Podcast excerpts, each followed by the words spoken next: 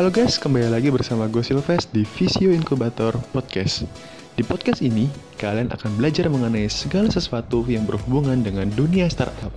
Yap, di episode kita kali ini, kita akan mewawancarai salah satu CEO startup yang bergerak di bidang pengelolaan UMKM. Nah, bagaimana sih startup mereka? Penasaran? Yuk ikutin terus episode kita hari ini.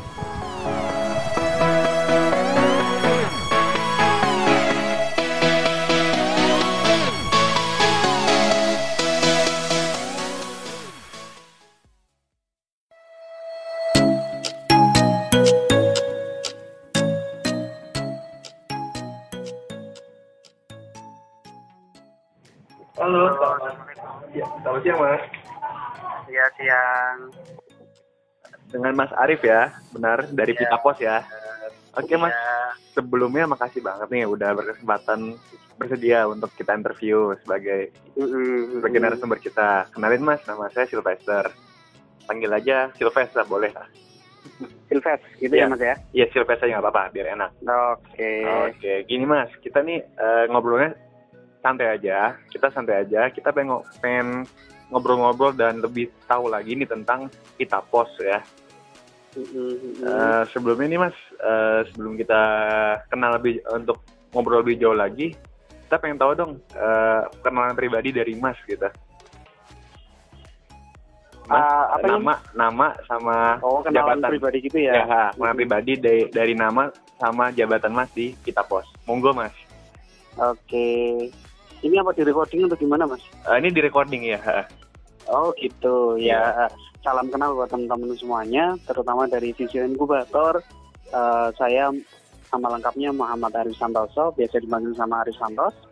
Eh, sebagai CEO dari PT Pita Pos Indonesia yang bergerak di bidang point of sale for UMKM. Oke. Bergerak di bidang apa Mas tadi? Point of sales. Point of sales ya. Oke. Iya, POS. POS. Oke Mas. Eh, kan Mas IO dari Pita Pos ya. Boleh Hmm. boleh kita dong kita pengen tahu dong lebih jauh lagi tentang Pita Pos. Pita Pita Pos itu lebih apa sih bergerak bidang apa dan udah berapa lama berdiri gitu. Oke, jadi gini, kita pos ini sudah bergerak kurang lebih satu tahun. Kita bergerak dari pengalaman pribadi dari, terutama saya sendiri di selaku CEO dan foundernya. Karena saya sampai sekarang punya bisnis di bidang kuliner. Hmm.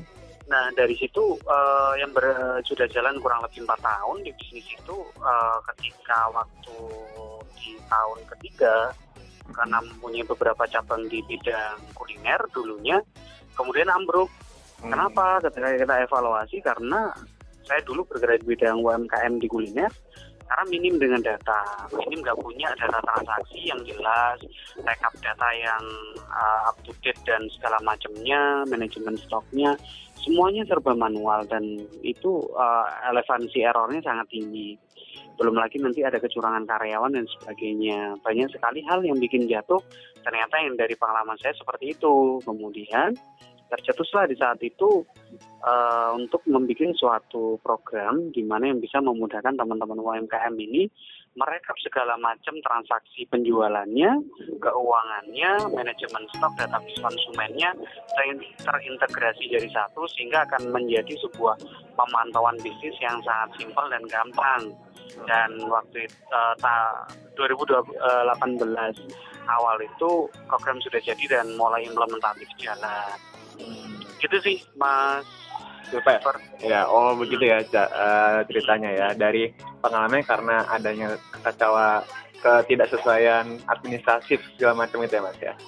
Iya lebih. betul sehingga itu menjadi permasalahan yang umum saya dengan teman-teman di UMKM nah hadirnya Bitapos ini menjadi solusi bagi teman-teman UMKM di bidang transaksi penjualan dan keuangan database konsumennya nah dari sini penempatan positioningnya Bitapos sendiri kita setting. Kita hadir sebagai point of sales POS untuk teman-teman UMKM yang menengah ke bawah kayak gitu.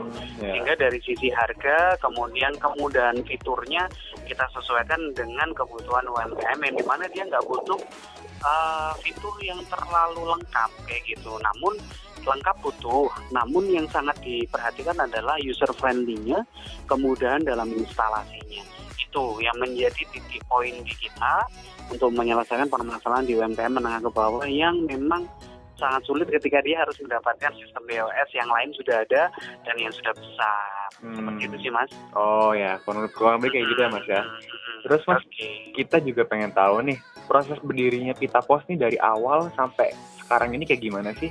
Boleh diceritain nggak mas?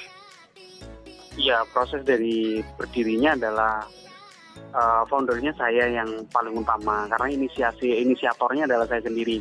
Dari pengalaman saya pribadi, kemudian saya ketemu sama teman yang waktu itu resign dari pekerjaan dari Jakarta di bagian uh, programmer gitu. Salah satunya dia bikin programmer uh, yang bikin programnya yang di TV One saham ISG itu kebetulan domisili di Jember Hmm, ketemu dengan saya, kemudian saya ada ada ide gagasan seperti ini, kemudian saya sampaikan dengan partner saya, kemudian di dia yang bagian implementatornya. Uh, pada dasarnya sebenarnya background saya sebenarnya di matematik programming, memang ada di sana. Tapi untuk saat ini saya lebih megang di bagian marketing dan konseptor programnya. Nah, eksekutornya adalah di partner saya sebagai uh, apa namanya uh, ibarat teman saya untuk implementasi di Pitapos ini. Udah kemudian uh, proses berjalan dan terus tim baru-baru uh, pada gabung gitu sih. Hmm, gitu ya. Eh, terus mas kita juga pengen tahu nih kalau di Pita Pos nih mekanisme bisnisnya gimana sih? Mulai dari cara perekrutan UMKM-nya sampai cara Pita Pos untuk mengelola keuangannya. Seperti apa sih mekanisme bisnisnya? Oke, jadi mekanisme bisnisnya udah jelas tadi sampaikan saya di awal. Ini uh, menyelesaikan permasalahan teman-teman yang bisnis di bagian penjualan, keuangan dan database konsumennya. Dari situ kita bidik berarti uh, teman-teman yang memang punya bisnis di bidang apa aja, di bidang kuliner, barbershop, ke pet shop, kemudian car wash dan segala macamnya bisnis yang di situ semuanya kan mengandung transaksi uh, pengecualian di bidang retail yang di mana dia butuh barcode kita masih belum bisa menaungi di sisi itu kayak gitu.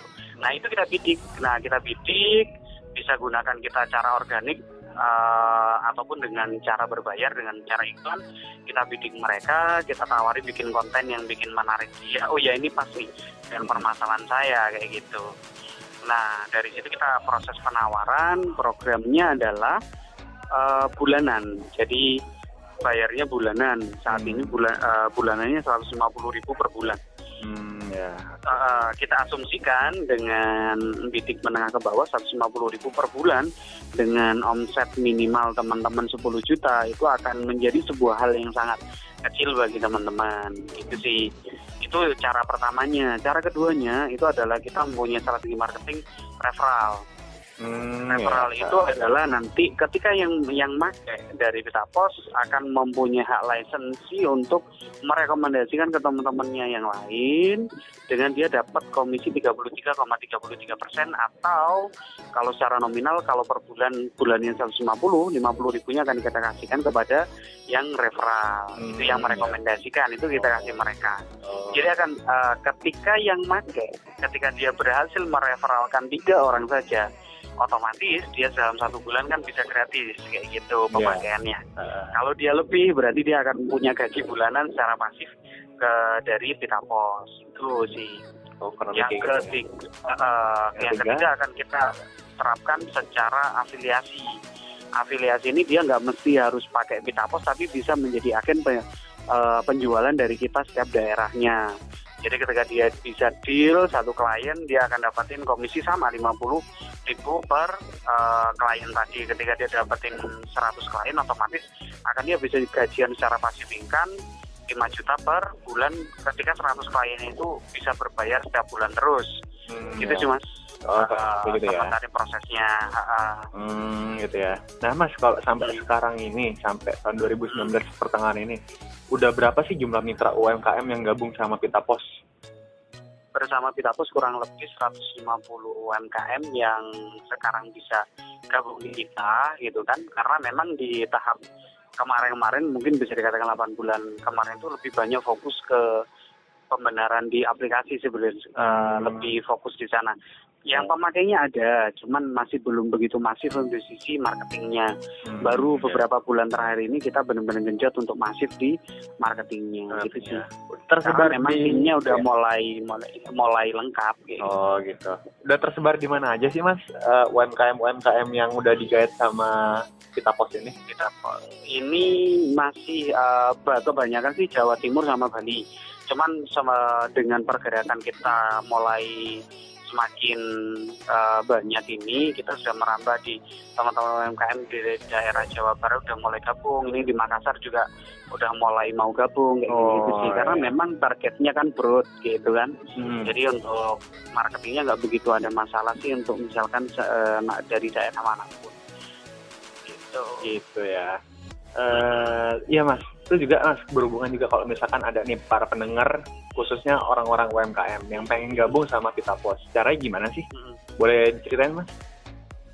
Oke, cara gabungnya sangat gampang. Tinggal klik di www.pitapos.com. Nanti di sana udah bisa langsung login, bisa gunakan akses free trialnya 14 hari, bisa dicoba. Jadi ketika sebelum berlangganan kita memberikan fitur untuk free trial sehingga akan lebih aman bagi UMKM apakah cocok dengan bisnis saya dan segala macamnya bisa menggunakan fitur free trial. Jadi nggak langsung bayar. Kalau langsung bayar kan takutnya nanti teman-teman belum tentu cocok kan gitu ya. Gitu. Jadi tinggal masuk di websitenya tinggal masuk coba gratis. Nanti kalau cocok tinggal nanti kontak di CS kami untuk berlangganan. Dan kebetulan kita lagi ada promo gitu untuk teman-teman UMKM misalkan dengerin ini di kafe dan segala macamnya yang punya bisnis seperti itu yang butuh uh, apotik dan segala macamnya yang butuh disolusikan penjualannya bisa live di HP-nya ownernya tanpa harus ngecek omset dan segala macamnya udah dilaporin secara rinci. Kita lagi ada promo uh, dengan satu tahun normalnya kalau 150 ribu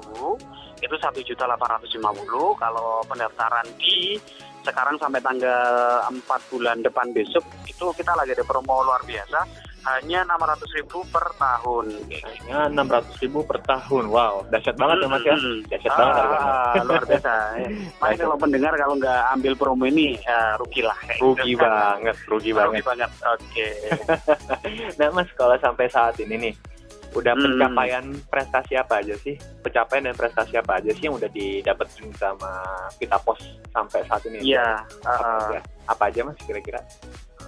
Ini yang bikin kita semakin semangat untuk mengembangkan di kasir online kita pos ini ini adalah benar-benar kita eh, apa ya merasa ikut bangga juga sih. Ketika ada UMKM yang mulai dari dari dari awal dia pakai Pita Pos dengan kedainya masih biasa gitu kan.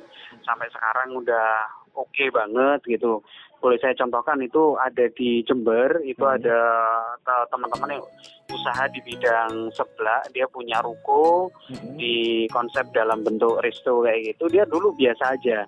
Kita support dengan Petapos kemudian dengan perjalanan semakin ramai semakin ramai dengan dia melihat setiap hari data transaksinya ada di HP-nya dia dia evaluasi mana yang paling laris mana yang harus eh, stoknya diperbanyak perkecil sehingga ketika pas rame ada eh, pelanggannya dia tanya bisa nggak saya mitra ini saya buka di kota yang lain Nah, dengan aplikasi Pita Pos ini, ini cerita langsung real dari ownernya, Hmm. langsung dikasihkan ke orang yang tanya tadi, yang mau bermitra tadi. Ini dia nggak pakai proposal, nggak pakai apa, langsung ditunjukin di dashboard ownernya, pelaporan di transaksi penjualannya kedainya dia dengan Pita Pos. Ini sama eh, bisa sampean lihat Hmm. data penjualan kita selama satu tahun. Silakan Anda lihat laporan reportnya per hari per bulan. Silakan bisa dilihat semuanya di sana. Ketika dilihat di laporan sana kan detail ya semuanya pendapatannya, grafiknya dan segala macamnya, omset per bulan, per tiga bulan, per tahun semuanya ada sehingga di situ nggak butuh waktu lain dia langsung proof, langsung ya. dia setuju di sana untuk buka di kota lain waktu itu dealing kalau nggak salah 40 juta Hmm. untuk bisa buka di outlet yang di luar kota kayak gitu. Jadi oke. sangat benar-benar bisa proven lah gitu loh untuk uh, pengembangan bisnisnya sampai di titik itu itu yang uh, bikin kita semakin semangat lah ingin bantu teman-teman di bidang bisnis untuk bisa nggak jebol. Oh, itu yang pertama. Yang kedua Ah, boleh ya. ada ada klien kita yang di bidang mie gitu kan? Mie mie mie level-level kayak gitu. Ah, Uh, sekarang alhamdulillah bisa sampai uh, 6 cabang sekarang. Dia punya 6 cabang di kota-kota tersebar di kota Jawa Timur. Uh, dia pasang pakai pita pos nggak ada satu bulan telepon gitu. Saya kira komplain atau apa gitu kan ternyata dia bilang mas terima kasih. Dengan uh, selama ini kenapa nggak saya pakai pita pos dari awal-awal? Lo kenapa pak? Gitu. Jadi nggak ada satu bulan saya udah ngeluarin uh, beberapa karyawan saya di bagian kasir. Karena setiap hari di situ udah ketahuan kalau dia itu pelaporannya udah nggak nggak jelas. Kalau dia setiap hari ngambilin uang. Oh. eh mas nggak ada nggak ada artinya lah kalau kalau satu iya. bulan seratus lima puluh ribu kalau setiap hari saya diambilin tiga ratus ribu ya bonyok saya bonyok juga, gitu iya. ah, ah, yang terakhir sih iya. eh, ya bisa kenal sama Visio ini uh, alhamdulillah bisa diterima dan disupport sama kementerian hmm. di TBIC, di Puspintek, di Kemenristek untuk kita didanai untuk bisa berkembang lebih untuk membantu teman-teman di uh, UMKM uh, di bisnisnya untuk bisa lebih di scale up bisnisnya segala macamnya itu sih kita bisa dinaungi di sana dan bisa kenalan dengan Visio oh. itu sih yang pencapaian sampai sekarang yang bikin kita semakin semangat. Banyak banget ya mas pencapaiannya ya bisa sampai sebesar ini ya. Seneng banget ya juga dengerin. Iya terima kasih banyak. Iya. Terus mas kita pengen flashback lagi nih dari awal mas bersama tim membangun uh, Pita Pos ini. Kita pengen tahu nih mas waktu dulu pertama kali ngebangun Pita Pos nih untuk mencari pendanaan pendanaan operasional, pendana dari investor atau misalkan itu ceritanya gimana sih mas? Boleh diceritain nggak? Hmm, Iya, oke. Okay. Jadi uh, Pita Pos ini mungkin uh, startup yang mungkin beda dengan alur startup yang biasanya ada gitu kan. Kenapa kok beda? Iya, Pita Pos sampai detik ini berdiri uh, zero cost yang sudah kita lalui sampai ya ada aset sedikit lah kayak gitu kan gitu. Hmm. Itu dari uh, zero modal yang kita jalankan. Oke. Okay benar-benar zero dari nggak ada modal sedikit pun yang kita keluarin lo kok bisa kayak gitu iya jadi ceritanya gini dulu uh, kita bikin market programnya dulu mm-hmm. ini hanya semacam pitch deck gitu programnya belum ada ya gitu hmm. programnya belum ada yeah. programnya belum ada dulu ketika awal kemudian saya punya teman-teman di bidang uh, di UMKM yang punya kedai-kedai kafe dan segala macamnya waktu itu saya pitching kayak gitu loh eh aku punya produk kayak gini loh uh, yang bisa membantu kamu di bagian penjualan, keuangan terpantau langsung real time di HP-mu. Kira-kira kamu mau nggak kalau kalau pasang program seperti ini gitu? Kalau mau harganya sekian kayak gitu waktu itu gitu loh. Akhirnya saya kelilingin teman-teman kayak gitu dapatlah sekitar 10 klien kalau nggak salah bisa masuk sekian juta kayak gitu. Nah dari dana itu uh, masuk bisa saya bikin dengan tim untuk bikin account Play Store-nya, beli domain, beli server, kemudian kita develop bareng-bareng kayak gitu. Akhirnya jadi deh program aplikasi Pitapos ini kemudian jalan-jalan-jalan dan jalan. Wow. Zero cost ya mas ya awalnya ya. Wah, Zero cost. Canggih banget berarti ya. Luar biasa. Uh, ya enggak juga sih. Udah, ya saya tahu jalan lah kayak gitu. Iya. Mas kita juga pengen tahu nih dari awal sampai sekarang ini suka duka suka duka yang Mas alamin bersama tim kita pos ada nggak suka dukanya? Ya banget sih suka dukanya banget banyak sebenarnya. Banget luar biasa. Ya berdarah-darah namanya startup lah ya gitu kan. Hmm. yang bikin luar biasa berdarah sebenarnya lebih di titik marketing sih bagaimana kita harus menemukan polanya masuk di teman-teman UMKM yang butuh di kasir. Karena nggak semuanya uh, teman-teman yang bisnis itu butuh kasir kayak gitu kan. Walaupun bisnis hmm. besar kalau mindsetnya dari akhirnya kita tahu polanya mana yang harus kita tawari untuk kasir mana yang enggak kayak gitu. Jadi ada pemetaan-pemetaannya itu yang mulai kelihatan lah di kita. Bagaimana uh, kita menemukan pola ada referral yang di mana di teman-teman secara kompetitor tidak ada kayak gitu. Ini yang menjadi uh, fokusnya kita adalah lebih ke kemitraan sih. Teman-teman yang punya komunitas itu kita ketuanya atau atau yang ber, berpengaruh kita ajak kerjasama untuk uh, menggiring teman-temannya pakai peta pos sehingga di situ yang menjadi poin titik fokusnya di sana. Nah sebelum dari itu kan kita penjualannya masih benar-benar apa yang ngajak teman-teman itu cari yang install uh, make itu bulanan itu sulit banget. Hmm. Yang di sana sih yang bikin bikin uh, tantangannya kayak gitu. Kayak gitu ya. Mm-hmm. Uh, Oke, okay. terus mas kita juga pengen kita ngobrol agak luas di sini topiknya sekarang ini. kalau menurut Mas pribadi nih di Indonesia sekarang ini, perkembangan UMKM di Indonesia nih sekarang ini kayak gimana sih kalau menurut Mas Arif? Kalau dari saya sih by data ya. Kalau by data sih luar biasa tinggi perkembangannya. Apalagi di di semua lini sih nggak hanya di nggak hanya di kuliner sih gitu. Di semua lini banyak banget laundry dan segala macamnya. Itu perkembangannya sangat tinggi.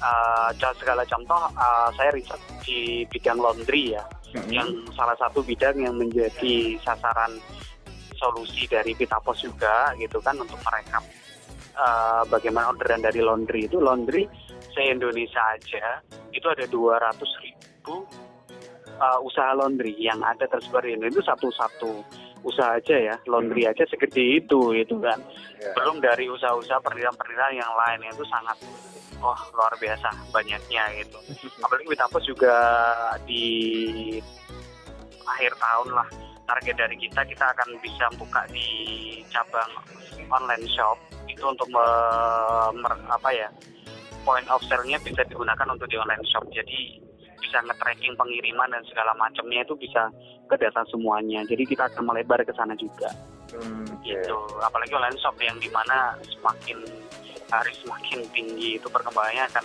uh, kita bidik juga untuk bisa kita solusikan. Oke. Nah Mas, kita pengen tahu juga nih, apa sih target dari kita pos di masa yang akan mendatang? Baik dalam jangka dekat ataupun jangka panjang? Mm -hmm.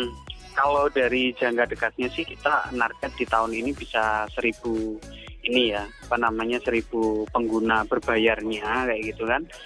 Uh, target kita seperti itu. Dengan kita gunakan segala kemampuan dan tim kita program-program yang akan kita luncurkan itu hmm. kalau jangka panjangnya sih kita akan uh, yang pastinya ini adalah salah satu bentuk kita pos adalah solusi di teman-teman UMKM di bagian penjualan sebanyak mungkin akan kita bisa solusikan itu sih. Hmm. Oke itu ya berarti hmm. target ke depannya ya. Nah mas hmm. pertanyaan terakhir nih apa sih pesan yang pengen Mas sampaikan kepada seluruh UMKM di Indonesia dan juga anak-anak muda di Indonesia khusus yang sekarang ini lagi membangun startup-startupnya baik di bidang uh, yang seperti Mas punya ini ataupun bidang-bidang lainnya Mas. Ya, kalau dari pesan saya sih sama ya dengan apa yang saya alami sekarang ya. Gitu. Yang pastinya pertama adalah uh, saya lebih menasihati diri saya pribadi terutama gitu kan hmm. kalau menjadi menjadi nasihat teman-teman juga uh, alhamdulillah yang pertama adalah fokus aja kepada apa yang solusi apa yang kita hadirkan kepada market yang kita bidik gitu sih kalau memang kita fokus pada solusi apa yang kita uh, solusikan kepada permasalahan yang kita bidik uh, long termnya bisa dapat dengan tim tim yang kita bentuk. Hmm. Kalau kita mengejar hanya hanya ibarat kata profit oriented atau atau lebih dikata seperti itu, itu akan lebih lebih rentan akan hancur di timnya. Kita tahu lah teman-teman kita yang bangun di startup itu sangat nggak ada satu tahun udah udah bubar dan segala macam ya mungkin fondasi di internal seperti uh, sense of belongingnya lebih dikencengin aja sih. Di sana sih yang menjadi titik poinnya. Mungkin di pesan dari saya sendiri terutama buat teman-teman startup. Yang kedua adalah uh, bagaimana kebanyakan dari kita sih fokus pada produk ya. Produk. ini menjadi masalah kelas uh, klasik gitu kan. Tapi kita mengabaikan di sisi penjualan dan servis. Ya, seenggaknya ayo teman-teman kita sama-sama bidang startup, ayo kita balancekan, kita belajar beneran ataupun kita cari mitra-mitra marketing yang hebat, terutama teman-teman yang memang dananya besar karena dapat investasi itu menjadi peluang yang besar. Hmm. Bagaimana bisa startup ini hidup? Karena startup hidup ya mau nggak mau bukan hanya semata-mata dari investor kan gitu. Itu kan hanya jangka pendeknya. Yang bikin kita hidup uh, panjang, bagaimana kita dapetin klien yang berbayar. Titik itu oh, sih dari kita. Itu ya. Uh, uh. Oke harapannya itu ya mas. Oke deh mas Arif gitu dulu aja deh hmm, uh, wawancaranya. Terima kasih banyak. banyak juga mas uh, uh, udah okay. menginspirasi kita. Semoga sukses terus buat kita pos dan tim-timnya ya mas ya. Oke. Okay. Thank you. Thank you juga mas. Mari. Uh, mari.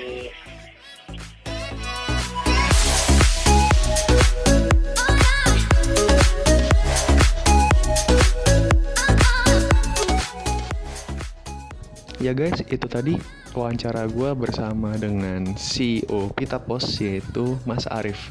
Semoga dari apa yang udah disampaikan oleh Mas Arif bisa menjadi buah inspirasi bagi kalian semua yang udah mendengarkan episode hari ini. Pokoknya sukses terus buat semuanya, tetap semangat dan sampai jumpa di episode-episode berikutnya. Dadah.